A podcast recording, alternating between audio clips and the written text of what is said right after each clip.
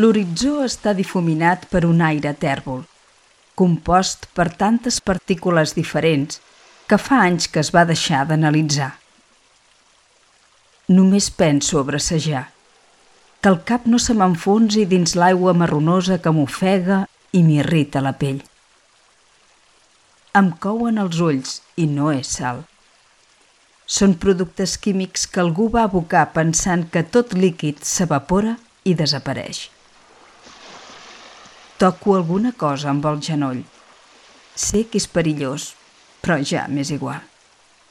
La por havia esdevingut el pa de cada dia i ara el que en queda és resignació. Neda, Neda, Neda, no t'enfonsis, encara no. No puc pensar en res més.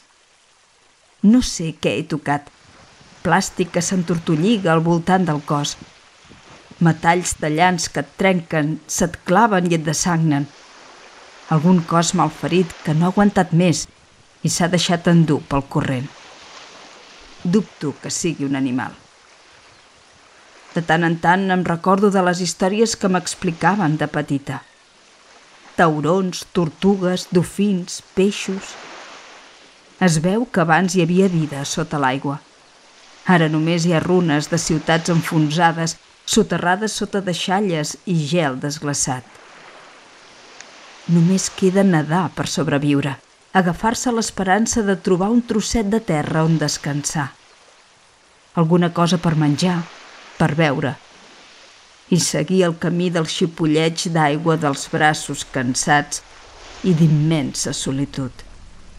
Neda, neda, neda, no t'enfonsis, encara no i cada vegada són més els que es rendeixen a l'inevitable, perdent la batalla psicològica d'una lluita que els nostres avantpassats ja ens van deixar perduda.